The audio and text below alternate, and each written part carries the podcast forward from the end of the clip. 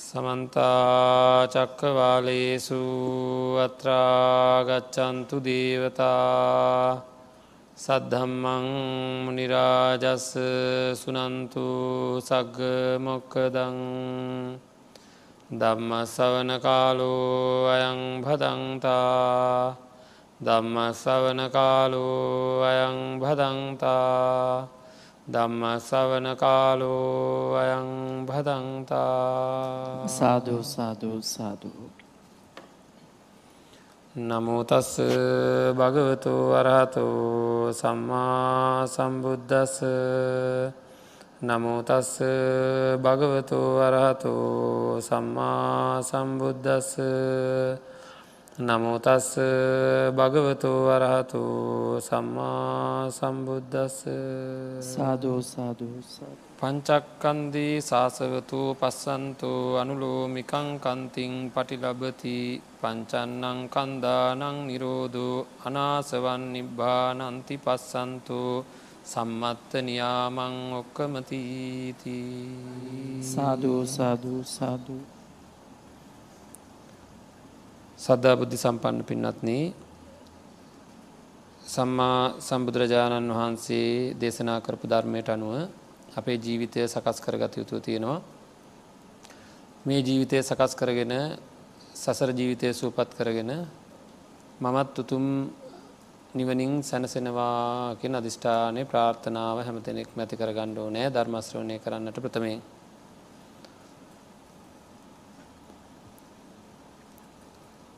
මේ ලෝකයේ තියෙන සත්‍ය තත්ත්වය තේරුම් ගන්නේ නැතුව අපි අපේ ජීවිතය අරගෙන ගියොත් ජීවිතයේ තියෙන ඇත තත්ත්වය තේරුම් ගන්නේ නැතුව අපේ මනසට ගෝචර කරගන්නේ නැතුව අපි අපේ ජීවිතය අරගෙන ගියොත් මහා විනාසයක් සිද්ධවෙන්ට තියෙන ඉඩ කඩක් තියෙනවා. ඇයි මේ ලෝකය කෙරෙහි ලෝභ දේශ මෝහ වර්ධනය වෙලා ඒවා හින්දා බොහෝ පාපයන් රැස්වෙන්ඩ පුළුවන්කමක් තියෙනවා. ඉතින් ඒහින්දා මේකේ තියෙන ඇත්ත තත්ත්වය අපි තේරුම් ගත යුතුව තියෙනවා. මේ ලෝකය කියලා කියද්දී මේ ලෝකය කියන්නේ බම්බයක් විතර වෙච්ච මේ ශරීරයයි කියලා බුදුරජාණන් වහන්සේ දේශනා කරා ලෝකයේ ලෝකය කියද්දී බම්බයක් විතර වෙච්ච ශරීරය තේරුම් ගණ්ඩ ලෝකයම තේරුම් ගත්තාය කියල දේශනා කරා. එතකොට මේ ශරීරයේ බඹයක් විතර වෙච්ච ශරීරය කියලා කියන මෙන්න මේ පංචස්කන්දයයි. එතකොට පංචස්කන්දය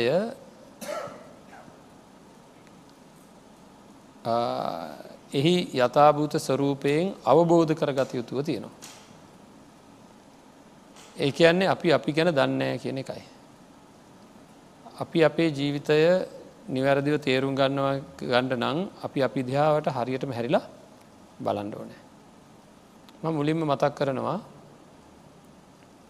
රිදෙන දෙයක් පටන් ගන්නවට කවුරුත් කැමතිද. තුවාලයක් හැදෙනවට කැමතිද. නෑ. නේද. එතකොට සරීරයේ අපිතම අතක් කැඩෙනවට කකුලක් කැඩෙන හම එක දිගට රිදෙන පටන් ගන්නවා. ඒ වගේ දෙයක් හටගන්නවට කවුරුත් කැමතිද අනේ මට රිදෙන දෙයක් හටගත්තේ නෑ නතාම කියලා. හරිද රිදෙන දෙයක් තාම හටගත්ත නෑනේ කියලහෙම කාටහරි බලාපොරොත්තුවත් තිනව දන්න. පිච්චෙන දෙයක් ආරම්භ වෙනවට කවුරුත් කැමතිද. නෑ. නේද වෙන කෙනෙ පිච්චෙනව දකිට කැමතිද. නෑ නේද රිදෙන දෙයක් පිච්චෙන දෙයක් ඒ මොකකටවක්වත් අපේ ඇති කැමැත්තා නැහැ. එම නේද ඔව් එතකොට අන්න ඒ වගේ නමුත් පහනට යන පළ ගැටියාගේ ස්වභාවමකක්ද. එයා පහනට යන්නේ පහනට ගිහාම පහන් දැල්ල වැදුනහම එව පිච්චෙනවා. නමුත් එයා පහනටම යනවා. ඉති යායට රිදුම් පටන් ගන්නවා එක. පිච්චීම් පටන් ගන්නවා එක. ඉතිං ඒකට එයා කැමැත්තෙන් දෙයන්න එතකොට. එන ඇයි යන්නේ. පිච්චෙනවා රිදෙනවා රිදෙන්ට පටන් රිදෙන දෙයක් පටන් ගන්නවා පිච්චෙන දෙයක් පටන් ගන්නවා කියලා දන්නේ නෑ. දන්නේ නෑ. ආං එහෙම දන්නවනම් කවදාකවත් පළගැටිය ඒ පැත්තට යන්නේ නෑ. අන්නේ වගේ පින්නත්න අපි බලන්ඩ අපේ ජීවිතය අරගෙන අපි බොහෝම හොඳින් ඉන්නවා. බාන්ට පුංචි කාලය ළමයි මල් වගේ. ඒකට ලොකු ප්‍රශ්න නෑ. නේද. මං මෙහෙම අහන්නම් අවුරුදු දාහතක දහතක් දහටක් විතර වුණහම අපේ ගෙදර ඉන්න දරුවාගේ සමහර වෙලාවට අපි අධ්‍යකල තියෙනවා එක පාටම කල්පන කරන්න පටන් ගන්න. පැත්තට වෙලා ඉන්න පටන් ගන්න සෙල්ලංකර පෙක්ෙන සෙල්ලං කරන්න. නට පෙක්ෙන නටන්න දඟල පෙක්ෙන දඟලන්න. විනෝදයෙන් වගේ නිකං කෙලි දෙලෙන් වාසය කරපෙක්කෙන එක පාට වෙනස් වෙලා. පැත්තකට වෙලා කල්පනා කරනවා වැඩියෙන් වැඩියෙන් කල්පනා කරනවා. අන්න එහෙම වෙනකොට නිකම් මූනත්තික හොඳ නෑවගේ. එහෙම උනහම අපි මොකද ළමයා ගැන හිතන්නේ. අසනීපයක් කියලද හිතන්නේ. සාරිරක අසනීපයක් කියලද. නෑ නෑ දැනගන්නවා දෙමවපියෝ මොකක් හරි පටලැවිල්ලක් ඇති කරගෙන මොකාකරි පටලෙල්ලක් ඇති කරගෙන වෙන්ඩෝ නෑ හොයන්ඩෝ නෑ කියලා එකන බැඳීමක් ඇති කරගෙන කියලා කොහට හරි. නේද එහෙමද නැද්ද. ඒකැන මේ බැඳීම ඇතිවුණට ඇතිවුණ ගමන් මොකද වෙන්නේ එයාට හරි අපහසුකං ඇති වෙනවා. පිච්චීම් ඇති වෙනවා. දැවීම් ඇති වෙනවා. දෙමපියන්ට හිතුවක් කාර වෙනවා. නේද ඒ හැම දෙයම පැත්තකින් තෙල යාව අපි හොඳටම දන්නවා නේද? තමන් අපි දන්නවා තමන්ගේ පැත්තිෙන් තමන් හොල බැලුවොත් බැඳීමක් එක්ක පින්නත්න රත්වීන් දැවීම් පිච්චීම් ඇතිවෙනවද නැද්ද. නේද? හැම දෙයක් ගැනම. මං කියන්නේ ජීවිදයක් ගැන විතරන්නේ අජීවී දෙයක් ගැන කෑමක් ගැන. හරි පාරය යනකොට කෑමක් දැක්ක හමත් ඒ කෑම අවශ්‍යය කියලා දැනුණොත් දැවින් පිච්චි ඇතිවෙන ස්වභාවයක් තියෙනවා ඇතුලාන්ත අපහසුකන්දයනවා. එතකොට ඒ හැම දෙකින්ම හැම දෙකින් අපි දන්නවා නැවත අපිට මේ පංචුපාදානස්කන්දයට අදාළව මේ ලෝකයේ තියෙන දේවල් ගත්තහම ඒ දේවල් නිසාවෙන් අපි ඒ දේවල් සුවයි සුන්දරයි මදුරයි ප්‍රියයි කියලා භාවිතා කරැව්වොත් හොඳයි ප්‍රියයි කියලා හොඳම දේ කියලා භාවිතාකරොත් නැවත නැවත යෙදුනොත් අභිනන්දනය කළොත් හිතෙන් සතුට වුණොත් නැවත නැවත මොකද වෙන්නේ. ඒවා නැතුව බැරි තත්වකට පත්වෙනවා. අන්තිමට ඒවා නැති වෙනකොට මොකද වෙන්නේ. හරියට දුක් ඇති වෙනවා. මේ ලෝකයේ තියෙන කිසිමම කිසි දෙයක් මට ඕන හැටියට තියාගණ්ඩ එහෙම පුළුවන්කම තියෙනවාද. මේ ලෝකයේ තියෙන කිසිමම කිසි දෙයක් මට ඕන හැටියට තියාගන්න පුළුවන්කම තියෙනවාද? වෙනස්වෙන්ට දෙන්න ඇතු තියාගන්න පුළුවන්කම තියෙනවාද? එනම් මොනවාහරි දෙයක් එක බැඳීමක් ඇති වුණා කියන එකේ තේරුම ඒක වෙනස් වෙනවා. එනම් දුකට පත්වෙනවාමද නැද්ද? නේද? එහෙනම් මේ මේ මගේ වසයෙන් හෝ අනුන්ගේ වසයෙන් හෝ තියෙන්න වූ පංචස්කන්දය හරිද? පංචස්කන්දය අපිට ආශ්‍රව උපද්දවනවා කියන්නේ එකයි. ඒවා නැවත නැවත ඒවාගේ යෙදුනොත් නැවත නැවත නැවත නැවත ඒවා අභිනන්දනය කළොත් මොකද වෙන්නේ? ආශ්‍රවයන් උපදින ආශ්‍රවයන් කියන්නේ නැතුව බැරි වෙනකොට දනගතිය එන. දැවිලි තැවිලි පිච්චිලි වගේ දැවිලි තැවිලි සහිතව උපදනා වූ අවශ්‍යතාවය. දැක්ක දේවල් නැවත හන්ඩෝ දැකින්ඩෝනෑ හපු දේවල් නැවත හන්ඩෝනෑ විදපු දේවල් ආය විදිින්ඩෝනෑ කියලා නැත්තං රිදෙන රිදිලතිෙන නේද. මෙච්චර කාලයක් දැක්ක දරුවාව එක දවසත් දකිින් නැතුව ඉන්නවට අමාරුකං ඇතිවෙනවා. මෙච්චර කාලයක් අහපු ගීතයක් එක දවසක් අහන්ඩ නැතිවෙනකොට අපහසුකං ඇතිවෙනවා. කොච්චරවත් කාපු කෑමක් දවස් ගානක් කණඩ නැතිවෙනකොට කණඩ නැතිරක බඩගිරි හිදනේ ඒ කෑම කණඩ නැතිවෙනකොට වෙන වැඩ පිරණය තියෙනවා. එ පාර යනකොට මොනහරි කෑමත් දැක්කහම ඈත තියෙනවා දැක්කොත් අන්න මේක ඇතුළින් අපේ කෑවෙනෑ කණ්ඩමෝන ආයසරයක් කර කියලන්න ඇතුලාන්තයෙන් අපහසුකං රිදීම් දැවීම් පිච්චීම් ඇතිවෙනවා. එතකොට අන්න ඒ දැවීම් පිච්චීම් රිදීම් ඇතිවෙන ස්වභාවය මේ පංචුපාදානස්කන්දයෙහි තියෙනවා. එතකොට මම මේවා අරගෙන සුවයි සුවයි සුවයි සුබයි සුන්දරයි මදුරයි කියලා ගත්ත ගමන් මොකද වෙන්නේ සුවයි සුබයි සුන්දරයි මදුරයි කියලා අරගෙන ඒවා අභිනන්දනය කිරීමේ වෙන්න මොකක්ද රිදෙන දෙයක් හදාගන්නවා. නේද. අපි ගොඩා කැමැත්තෙන් ඉන්න කෙනෙක් ජීවිතේ අපිත මුණපුරෙක් කියලා. මුණපුරා පිළිසිඳ ගණ්ඩත් පෙර. ඒ මුණපුරා පිළිබඳව කිසිම කිසි රිදීමක් දැවීමක් පිච්චීමක් මතක් වෙනකොට අපහසු ගතියක් එහෙම තිබ්බද. තිබ අපි ආදරය කරන කෙනෙක් දකිින්ඩ පෙර අපි දැනට අපිට ආදරය කරන හිද රිදෙනවා. හරිද එහෙම කෙනෙක් දකිින්ඩ පෙර ජීවිතය පලවෙනි වතාවට දකිින්ඩ පෙර මට කිසි ප්‍රශ්නයක් තිබුණේ නෑ. එනම් දැක්කට පස්සේ දැක්කා දැකලා නැවත හැරිහරි බැලවා නැවත හැරිහරි බැලවා නැවත බැලවා නැවත බැලවා අන්තිමට මොක දැවුණේ නොදැකයින්ට බැරිතත්වකට පත්වෙනවා. නොඅසා නොවිඳ ඉන්ට බැරිතත්වකට පත්වෙනවා.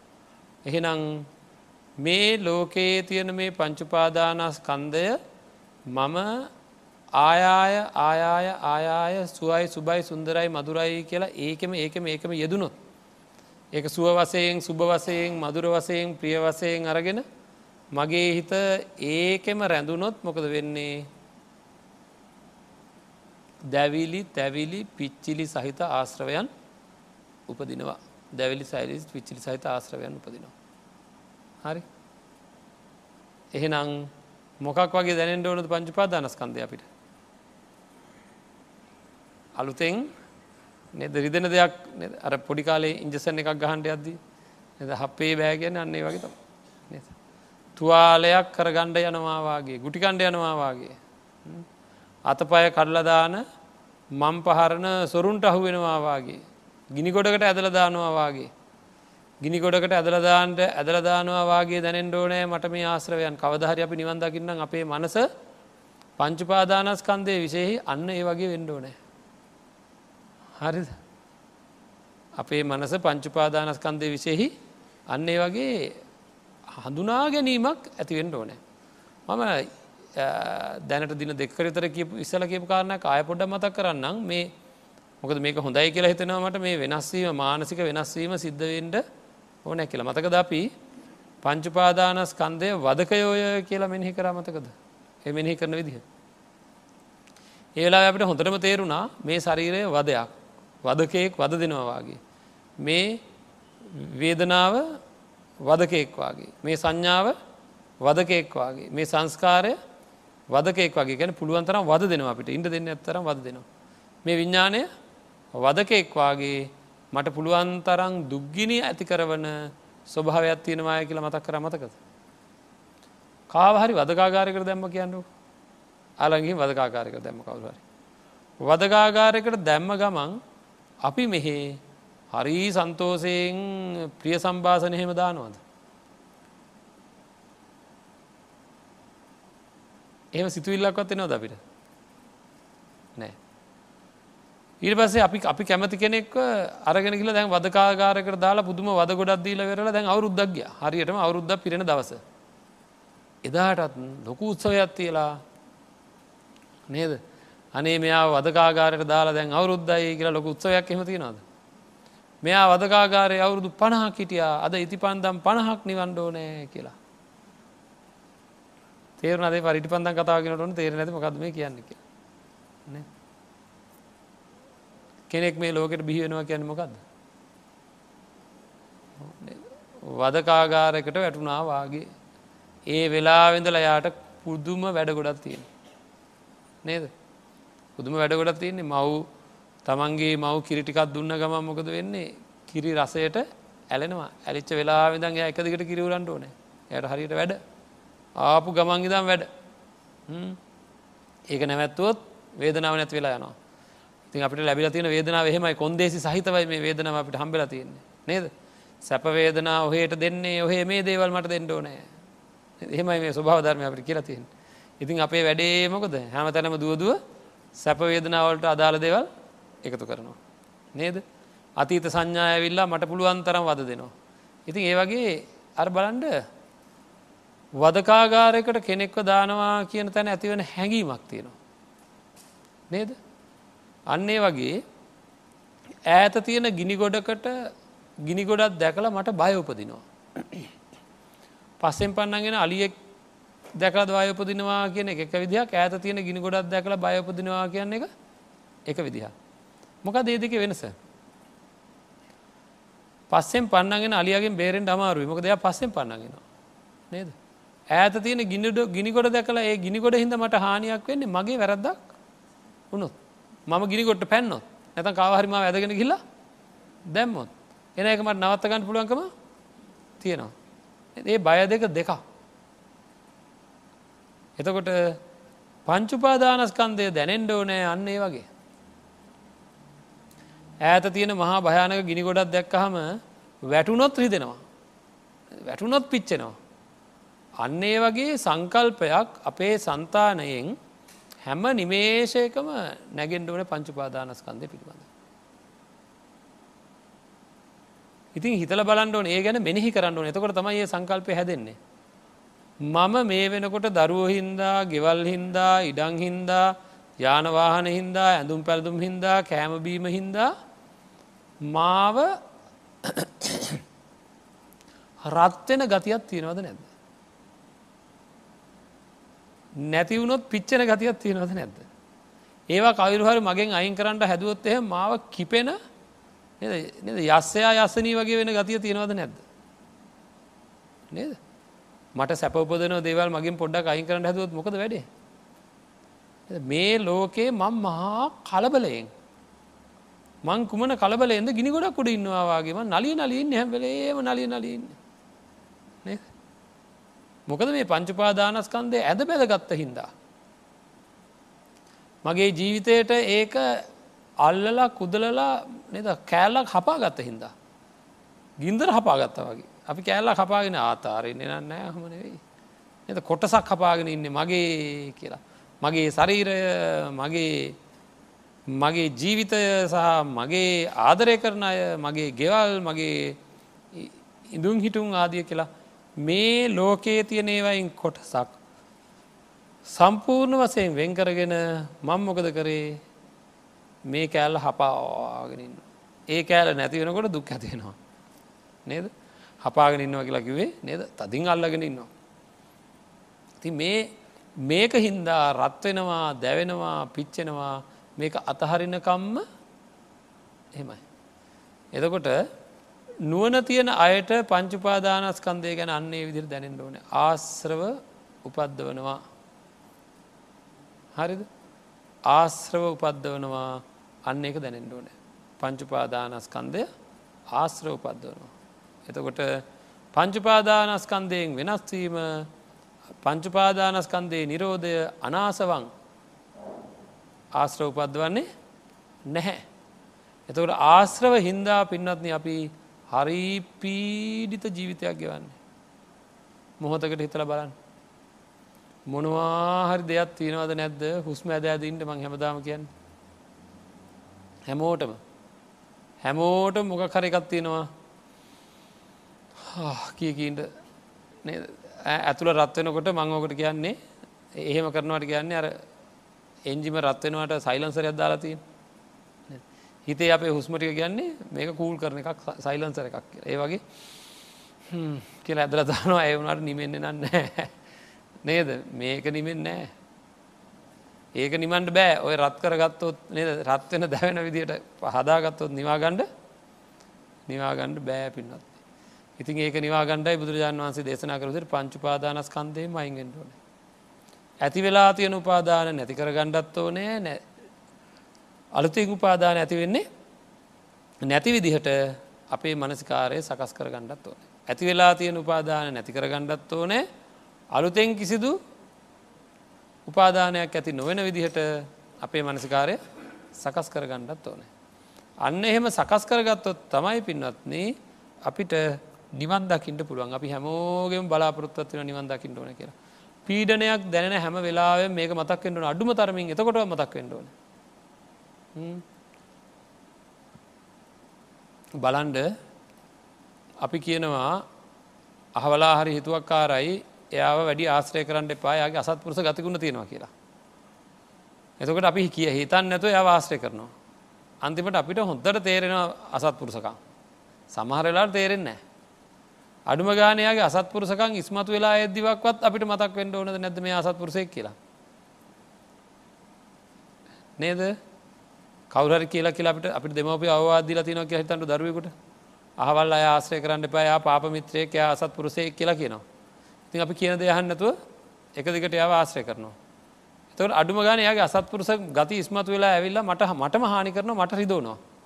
අන්නේ මට රිදෝන වෙලාවත් අඩුම ගාන අනේ අපේ අම්ම අපේ තාත්තා අමගේ වැඩි හිටියෝ මට මෙයා ආශ්‍රය කරන්න එපාගේ මෙන්න මේ ගතිගුණ හිද තමයි කියලා මට අඩුම ගාන එතකොටවත් තේරෙන්ට ඕනද නැද්ද. ඒ අනිවාරෙන් තේරෙන්ට එපෑ. බුදුරජාණන් වහන්සේ දේශනා කරනවා පංචුපාදානස්කන්දය ආශ්‍රව සහිතයි කියලා. පංචුපාදානස්කන්දය නිසා පංචුපාදානස්කන්දය ආශ්‍රව උපද්දවනවා ආශ්‍රවයන් ඇති කරවනවා කියලා දේශනා කරන එකැන දැවිල්ල දැවිලි පිච්චිලි ඇති කරනවා කියලා. අඩුම ගානේ දැවෙන පිච්චන වෙලාවටක්වත් ඕක මතක් වෙනවාද.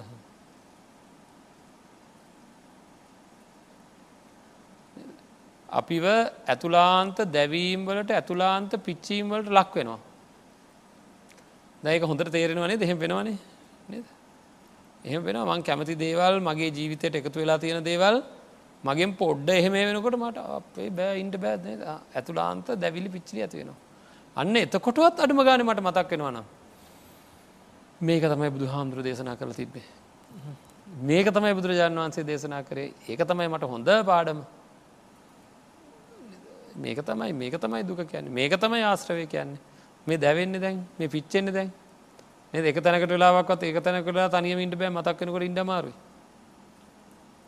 මතක් වෙනකොට ඉන්න අමාරුයි. ඉතින් හැල්මේ දුවන්න ඕන දුවන්න බැරි තැන්වල සමහරවල් තියෙන්නේ සමහර දේවල්. නේද? ඉතින් හරි දුකක් විඳිනවා. තමන්ගේ දරුව අපි හිතමුකෝ විදේශ රටවල් වලට ගිහිල්ලා අවුරුදු ගානකින් දකිින්ට නෑ. මෙයා මෙහ අවුරුදු තුන හතර විඳෝ විඳෝ ඉන්නවා නම් අරේ අරකට්ටිය උඩ පිනුග ගහින්නවා කිසි ප්‍රශ්නයන්න නේද? මුණු පුරොත් හදාගෙන ඔහ ඉන්න ශෝකකට කාලා බීල නාල ඇඳ ලෙහෙ ඉන්න මෙයා මෙහෙ තනියම තනියම දැවි දැවී පිච්චි පිච්චි ඉන්නවන මොන හවල් දෙයක්ද? මොකට දෙහෙම නේද?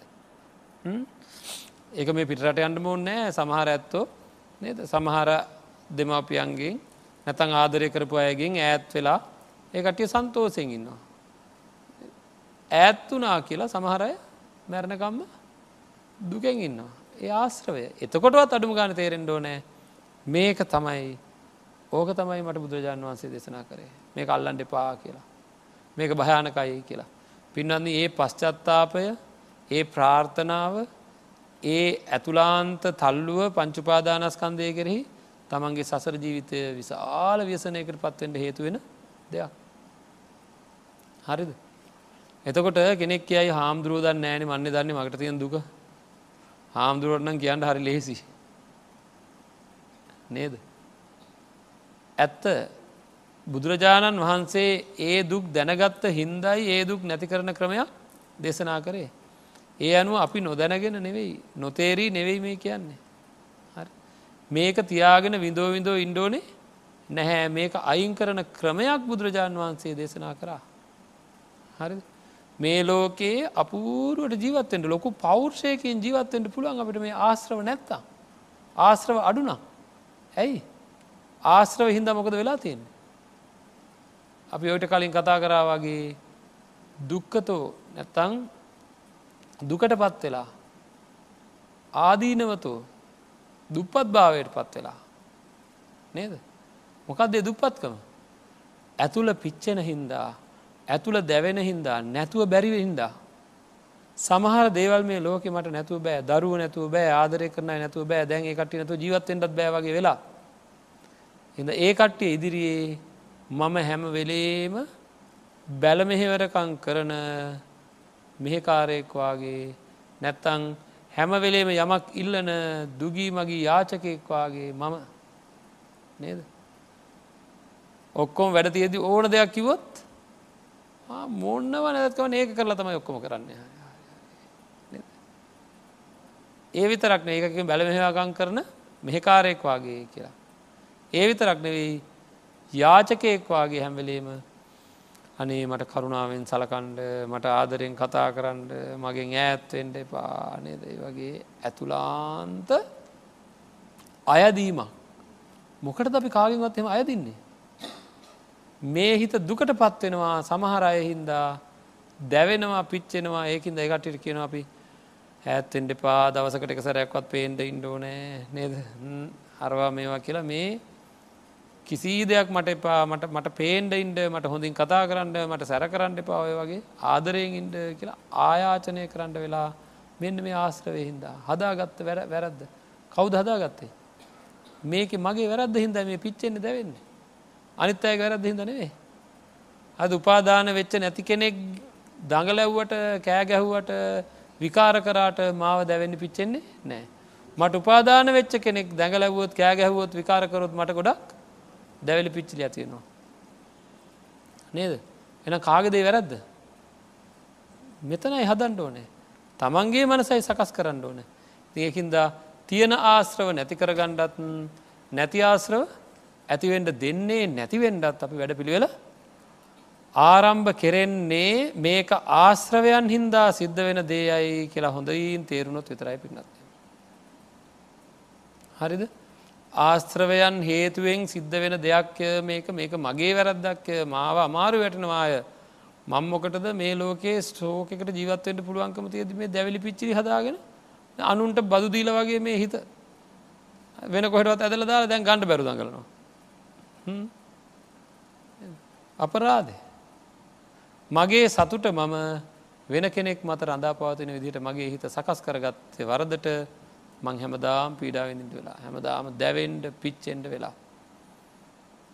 ඉතිං අන්න ඒ තත්ත්වය තේරුම් අරගෙන අපේ ජීවිතය අපි සුවපත්භාවයට ඉතා සුවපත්භාවයට පත් කර ගණ්ඩෝ නෑ ඒකට අපිට මේ ආශ්‍රවය පිළිබඳව හොදට දැනෙන්ඩෝ නෑ කොහොමද? මේකට නම්මං අත තියන්නේ මේකට නම්ම අරමුණු කරන්න මේ කිසිම දේකට අපේ හිත අපට පණිවිඩ දෙන මේ ඔය කියනටික හොඳට මෙනෙහි කරපුහම මෙනෙහි කරපහම පංච රූප අරගෙන වේදනාරගෙන සංඥා සංකාර විඤ්ඥාන අරගෙන වෙන්වෙන් වසයෙන් හොඳින් හොඳින් අපි මම ගොඩාක් ඒ පිළිබඳව කලින් සාකච්ඡා කරා මේ පහ වෙන් කරගන්න විදිහ. එකින්ද මේ මේ දවස්ටික අපිහෙම ගොඩක් කතා කරන්න හැ නමුත් වෙන්වෙන් වසයෙන් අරගෙන ඒ හැම්ම දෙයක් හින්දම නද? රූප හින්දා දැවිලි තැවිලි පිච්චිරි ඇතිවෙනවද නැද්ද? ඇතිවෙනවා. වේදනා? ඒත් එහෙම නේද? අතීතයේ වින්දා වූ සැපවේදනාව මට නැවත විඳින්ට බැරිවෙයි කියලා නේද? දැවිලි පිච්චිරි ඇතිවෙන අතීතයේ වින්දාව දුක්වේදනාව නැවත විඳින්ට වෙයි කියලා දැවිලි පිච්චිරි ඇතිවෙනවා. හරි ගැටලුව ඒක. මම ඊයත් මතක් කර. මේ බලන්න. අතීතයේ වින්ද සැපවේදනා හින්දා වර්තමානයේ ඇතිවෙන්නේ සැපවේදනාද දුක්වේදනාද මගේ මනසේ. අතීතයේ වින්ද සැපවේදනා මතක් වෙද්දි දැන් ඇතිවෙන්නේ දැන් අපි මොනහර දෙයක් මතක් වුණහම අපිට මේ බලන්නකෝ. කවුහරි මය කනට ගැහවා දවස්තුනකට ත්‍රිස්සෙල්ල හරිස මට රිදුනා දුක්වේදනාවක්නේ දැම් මතක් වෙනවා. මතක් වෙනකොට ඇතිවෙන්නේ සැපවේදනාවක්ද දුක්වේදනාවක්ද දුක්වේදනාවක් ඒ දුක්වේදනාව අතීතද වර්තමානද? වර්තමාන. මේ මෙතන මෙතන හටගත්ත දැන්. නේද? මගේ මනස හේතුකොටගෙන මනෝ සම්පස්සජව අරක මතක් කලා දුක්වේදනාවක් ඇති වුණා. හරි එහනම් අතීතයේ දුක්වේදනාවක් මට ලැබුණාද? එහනම් දැන් ඇති වෙන්නේ ඒක හේතු වෙලා හැටගන්නේ දුක්වේදනාවක් හරිද?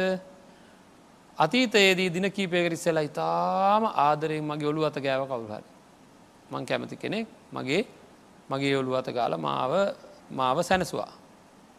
හරි දැන් ඒක මතක් වෙද්දී මට ඇති වෙන්නේ දැන් එයා නෑ නැත්තන් ඒ මේ වෙලා ඒක මට නෑ එනම් දැන් එතකොට මට මට ඒක මතක් වෙනකොට ඇති වෙන්නේ සැපවේදනාවද දුක්වේදනාවත්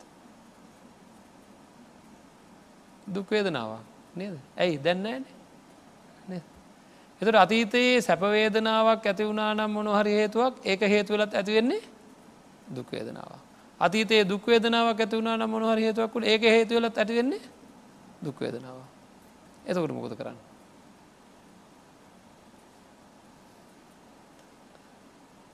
තේරනව නේද. එකන මේ ජීවිතය අපි මේ පංචුපාදානස්කන්ධයත් එක ගෙවන ජීවිතය හරීම විකාර ගතියක් තියෙන. ඒක දුක් එකතු වෙන එකක්. කොහෙන් ගියත් එහෙමයි. මං හැමදා මහන්නේ දරුවෝ හින්දා දුක් විඳිලති නොද නැද්ද විඳිනවද නැද්ද විඳිනවා. දරුව නැතිවුණොත් දරුව හින්ද දුකයි නම් දරුව නැති කරනවා දරුව නැති වුණු ඊටත් වැඩිය දුකයි. එනම් හිටියත් දුකයි රස්සාාව හින්ද දුක් විඳිනවද නැද්ද දුක් විදිනවා. රස්සාාව නැති වුණු ඒකත් දුකයි. විවාහය හින්ද දුක් විඳිනවද නැද්ද දුක් විඳිනවා. හොඳ ඇක නැති වුණු එද දැ මොකක්දව කියන්නේ. තිබ්බත් දුකයි ඕ පංචුපාදානස්කන්දය හැටි.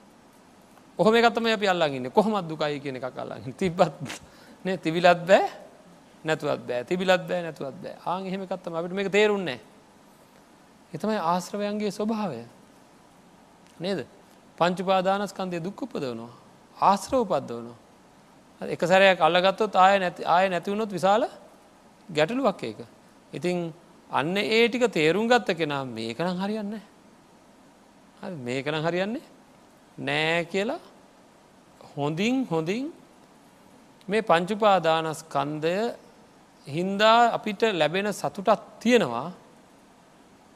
ඒ සතුට රබර් බෝලේ පොලේ ගහනවාගේ සතුට රබර් බෝලේ පොලෝ පැතර ගහපු ගමන් අනි පැතර උඩේනවා ඒ වගේ යම් සතුටක් ලබන්නේද ඒ සතුටත් එක්කම දරුණුතර වේදනාවල් ඇතිවෙනවා පරිසංකර ගණ්ඩෝ නෑ නවත්ත ගණ්ඩෝ නෑ වෙනස්සෙන්ඩ දෙන්න තුතියා ගණ්ඩෝ නෑ කියලා.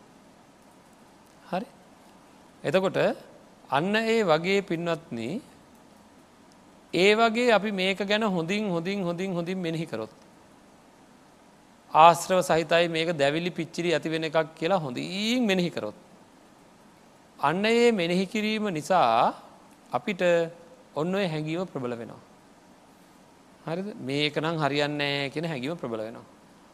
හරි මෙහෙම කියන්නම් සාමාන්‍ය ජීවිතයේ අපිට මොනවාහරි සිතුවිල්ලක් ඇති වුණ හම එක මොහර දෙයක් කරන්න නෑ කියල සිතුවිල්ලක් ඇතිවනට මේ හොඳ තේරුම් ගන්නන අපි හැමදාම කියන එක අපිතමකෝ අපිට හිතෙනවා මම බොරුවක් කියලා කාහර රවට්ටන්න ඕන කියලා. ඒවගේ ආය හිතනවා අනේ නෑ පව්හෙම රවට්ටන්න හොඳ නෑ කියලා දෙකක් හිතෙනවා. ඔය වගේ එක ළඟ හැඟීම් දෙකක් ඇති වෙනවා. එක්කෙනෙක්ම ගැන. කෝකද ක්‍රියාත්මක වෙන්නේ? බොරු කියලා හලා රවට්ටන්ඩ නෑ කියලත් මට හිතෙනවා. නෑ අනේ නෑ නෑ හොඳ නෑ එක හොඳ නෑ. රවට්ටන්ඩ හොඳ නෑ කියලා දෙක ඒවිදියට හිතෙනවා. කෝකද ක්‍රියාත්මක වෙන්නේ?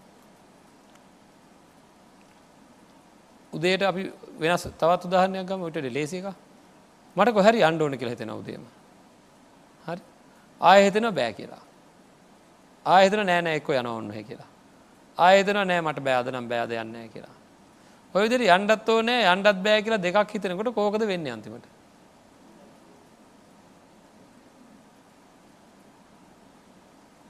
කඹයක් දෙපැත්තට අදින කට්ටි දෙකක් එකතු වෙලා. කොයි පැත්තරද කඹය දෙන්නේ.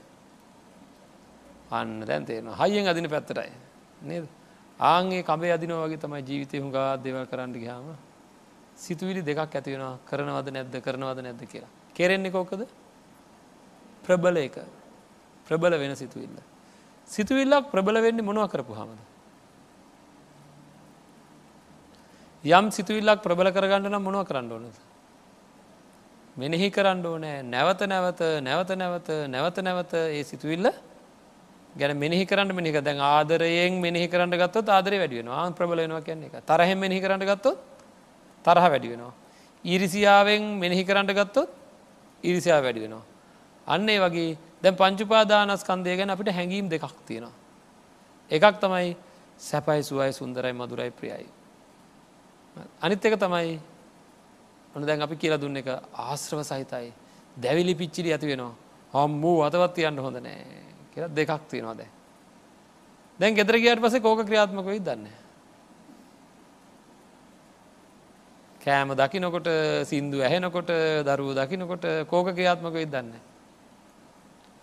හම්මෝ ගින්දර වගේ පිච්චයි නේද පිච්චර තත්වර පත්වෙනවා මේවා නං මේවාත් එක්ක තියෙන බැඳීම් ගලවන්ඩෝ නෑ කියලා අදහස එයිද නැත්තං හොඳයි සුවයි සුන්දරයි මදුරයි කියලා වෙනද වගේ ඇලි ගැලී දීද. දෙකම වෙන්ඩ පුළුවන්. නේද. වෙන්න කෝකද. වැඩියෙන් ඒ ඒ දේවල්වලට තියෙන බැඳීම ඇලීම අවිද්‍යාව අපේ වැඩිනං අන්න යන්නෙම අර පැත්තට. හරි හොඳයි මේ හැඟීම වැඩිනම් මේක මුළු සංසාරයම විනාස කරන එක. මගේ මරණ මොහොතේ මට කවුරුවක්වත් එන්න නෑ මාව බේරගන්නට. කිසි කෙනෙක් ලෑස්ති නෑ මාව බේරගන්නට එන්න මගේ දරුවන්ටවත් මගේ ධනයට බලයට කිසිම දෙකට මාව බේරගන්නට එන්න බෑ. එනම් මම්මගේ සිත සකස් කරගන්න ඕනෑ. මොකද අන්තිමට තනියම විඳවන්නේ මම අන්න ඒ හැඟීම ප්‍රබල නම්. දරුව දැකගමන් ගින්දරත් දැක වගේ දාලා දුවනවද. නෑ නෑ දරුව නෙවේ ප්‍රශ්න තියෙන්නේ. දරුව නම් ප්‍රශ්න පින්වත්න්නේ ප්‍රශ්නය දරුවෝ නම් කමක් නෑ දාලා දිවහම හරියනවා. ප්‍රශ්නය දරුව නෙවේ. ප්‍රශ්නය මොකක්ද. ඒ අය කෙරෙහි තියෙන්න්න වූ බැඳීමයි. හරිද. ප්‍රශ්නය ගෙදර නම් ගෙදර දාලා ගයාට ගැටලුවන්න ප්‍රශ්න තියන්නේ එක නෙවෙයි ඒවා ගැන තියෙන මගේ හිතේ තියෙන බැඳීමයි.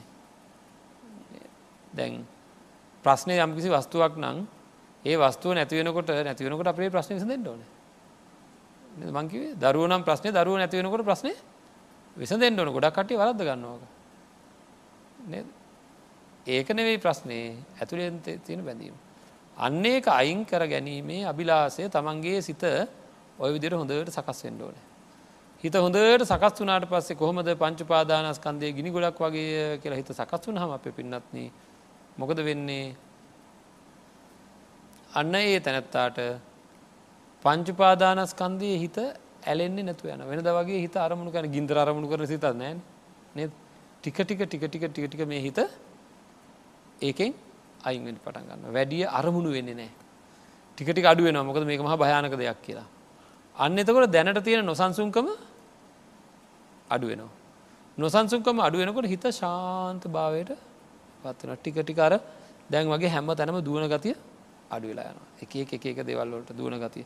කියපු වචන කියන් බලාපොරොත්තු වෙන දේවල් ඒ බලාපොරොත්තු අයිංගලා කියල එක්තරා එක්තරා ශාන්ත භාවයකට පත්වෙනවා අන්න ඒ ශාන්ත භාවය ඒ පංචුපාදානස්කන්දයෙන් අතමිදෙනකොට නයක් අරගෙන තිබිලා එක ගෙවල දැම්මාවාගේ හිරේ විලංගුවේ ලගලා ඉඳලා අයින් වුණාවාගේ රෝගයක් හදලා ඉඳලා හොඳ වුණාවාගේ මෙහි කාරකමකට අහු වෙලා ඉඳලා හොඳ වුණාවාගේ හරිද? කාන්තාරක යන කෙනෙකුට සේම භූමියක් කම්බුණාවාගේ විශාල මොකක්ද උපදින් සතුරක් උපදින හිතේ. හරි ආංගේ සතුට අත්වින් දනං කලින් කාපු කෑමක් තියෙනවා. ඒ කෑම දැක්කහම ඒ කෑමටයි හැමලීම හිත ඇලෙන්නේ. රස කෑමක් කෑවා. ඊට වැඩිය ගොඩාක් රස කෑමක් පස්සේ හම්බුණ කණ්ඩ දැන් කෑම දෙකම තිීල තින ඊළඟ දවස බලන්නට ගොඩාක් රස කෑමක් කාලතින් දැන් හිත හැම්බලේ මරමුණ කරන්න කොයකද ගොඩාක් රස කෑම. ඒ වගේ සාමිස සතුට ලැබුව ඇත්තන්ට යම් දවසක ඔය විදිට මේ ලැබෙන ශාන්ත ස්වභාවය හින්දා නිරාමිස සතුටක් වින්දානං එයාගේ හිත ඊට පස්සේ අරමුණු කරන්න පටන් ගන්න මොකක්ද මෙන්න මේ නිරාමිස සතුටයි. ඇද මේ විදිහට එයාගේ හිත ශාන්ත ස්වභාවයට පත්වෙනවා අන්න එකට කියනවා මේ පංචුපාදානස්කන්දයෙන් අයින් වෙලා ලබන්න වූ ශාන්ත ස්වභාවය පංචුපාදානස්කන්දයෙන් හිත ගැලවෙනවා. ගැලවිලා ලැබෙන ශාන්ත ස්වභාවට කෙන අනුලෝම අනුලෝමික ශාන්තිය අනුලෝමිකං කන්තිං කියලා කියන. ඒකයි අර සඳහන් කරේ පංචක්කන්දේ අනිච්චතු දුක්කතු රෝගතු ඒ විදිට සඳහන් කරා පස්සන්තු අනුලෝමිකං කන්තිං පටි ලබති කියල දෙසනා කර එක. මේ හතලිහේදීම අනුලෝමික ශාන්තිය ලැබෙනවාය කියලා. එතකොට පංචුපාදානස්කන්දය ආශ්‍රව සහිතයි නිවන අනාශ්‍රවයි ආශ්‍රව රහිතයි. එතකොට අපේ හිත මේ ඔක්කගෙන්ම බැහැර වෙලා අන්නර නිවන් අවබෝධ කිරීම සඳහා පෙළඹෙනවා. නිවන අනාශ්‍රවයි කියලා මහා හැඟීමක් අපේ හිත්තුළ දැයනකොට මේ තැවිලි දැවිලි පිච්චිලි ඇති වෙන්නේ නෑ කියලා දැයනකොට පින්නත්න අපිට මොකද වෙන්නේ? මාර්ගහිත උපදවන්ඩ හේතුවෙනවා අන්න ඒ සිතුවිල්ල අංග අටම එවැනි තත්වකට පත්වනකට අංගටම වර්ධනය වෙලා ලෝකෝත්තර සිත් පහල වෙනවා. එකයි කිවේ සම්මත්ත නියාමං ඔක්කමතිී කියලා. හරි. ති මෙන්න මේ විදිහට අපේ මේ ආශ්‍රව සහිතයි කියලා මේ පංචුපාදානස්කන්දය ගැන හරියට මෙනෙහි කරලා මේ ජීවිතයේ ඇත්ත තත්ත්වය අවබෝධ කරගෙන අපිට පුළුවන්කම තියෙනවා බුදුරජාණන් වහන්සේ දේශනා කරපු දිහට සුවපත් භාවයට පත්වෙන්. ඒක කරන්න පුළුවන් දෙයක් ප්‍රායෝගිකව කරන්න පුළුවන් දෙයක් තමගේ කැපකිරීම තමයි අවශ්‍ය නති මේ අත්තන් වෙනුවෙන් අපි ප්‍රාර්ථනා කරනවා එවැනි ආකාරයට කටයුතු කරලා මේ ජීවිතය සාර්ථක කරගෙන සසර ජීවිතය සූපත් කරගෙන උතුම් නිවනින් සැනසෙන්න්නට මේ ධර්ම දානමය පුුණ්‍ය කර්මය හේතුවක්ම වේවා කියල මේ අත්තන් වෙනුවෙන් ප්‍රාර්ථනා කරන. ආකා සට්ටාච බුම්මට්ටා දේවානාගා මහිද්දිකා පුඤ්ඥන්තන් අනුමෝදිත්වා චිරංරක්කං තුසාසනං චිරංරක්කං තු දේශනං චිරංරක්කං තුමං පරංතිී